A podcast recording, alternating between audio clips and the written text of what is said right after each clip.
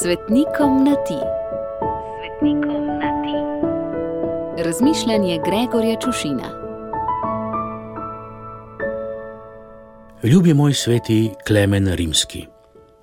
Čeprav ne v ožjem, ne širšem sorodstvu naša družina v času mojega otroštva ni premogla nobenega Klemena, no zdaj enega imamo, je bilo to ime mnogokrat izgovorjeno in slišano v naši hiši. Če sem natančen, ni šlo za katero koli, ampak prav za tvoje ime. Moj oče se namreč na vso moč trudil, da bi dokazal tezo, da cerkvice posvečene tebi, ki so posejane po naših krajih, označujejo pot, po kateri sta v 9. stoletju sveta brata Ciril in Metod potovala v Rim in seboj nosila tvoje relikvije. Bi kar verjel ne le zaradi začrtane poti, ampak tudi zaradi imen in priimkov, ki so izpeljani iz tvojega imena in so med slovenci posejani še bolj na gosto kot tvoje cerkve. A rimski nisi zato, ker je po dolgi poti iz vzhoda na zahod tvoje telo našlo zadnji počitek v Rimu, temveč ker si bil kot Klemen prvi, tretji naslednik apostola Petra na sedežu rimskega škofa, četrti papež torej.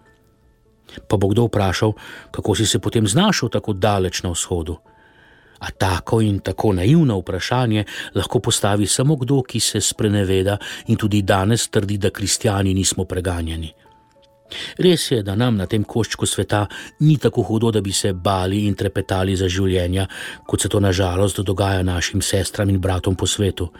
Se pa zato zakoni, ki se dotikajo verske svobode, zelo svobodno tolmačijo pa da ne bom zašel v dnevno in vsakdanjo politiko, bil si preganjan in izgnan v mesto Herson na današnjem polotoku Krim.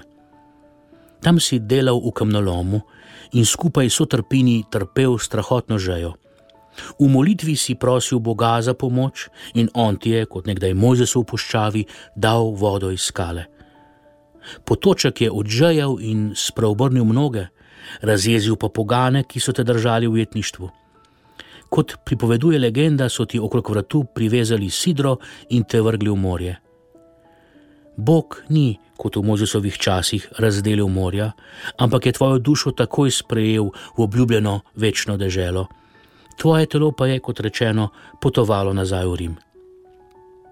Ljubi moj sveti Klemen Rimski, pomagaj nam, da bomo znali krotko in milo sprejemati vsa mala vsakodnevna preganjanja obilo žegna za tvoj god, pa nam ga vrni in milostno kot vodo iz skale izli na nas.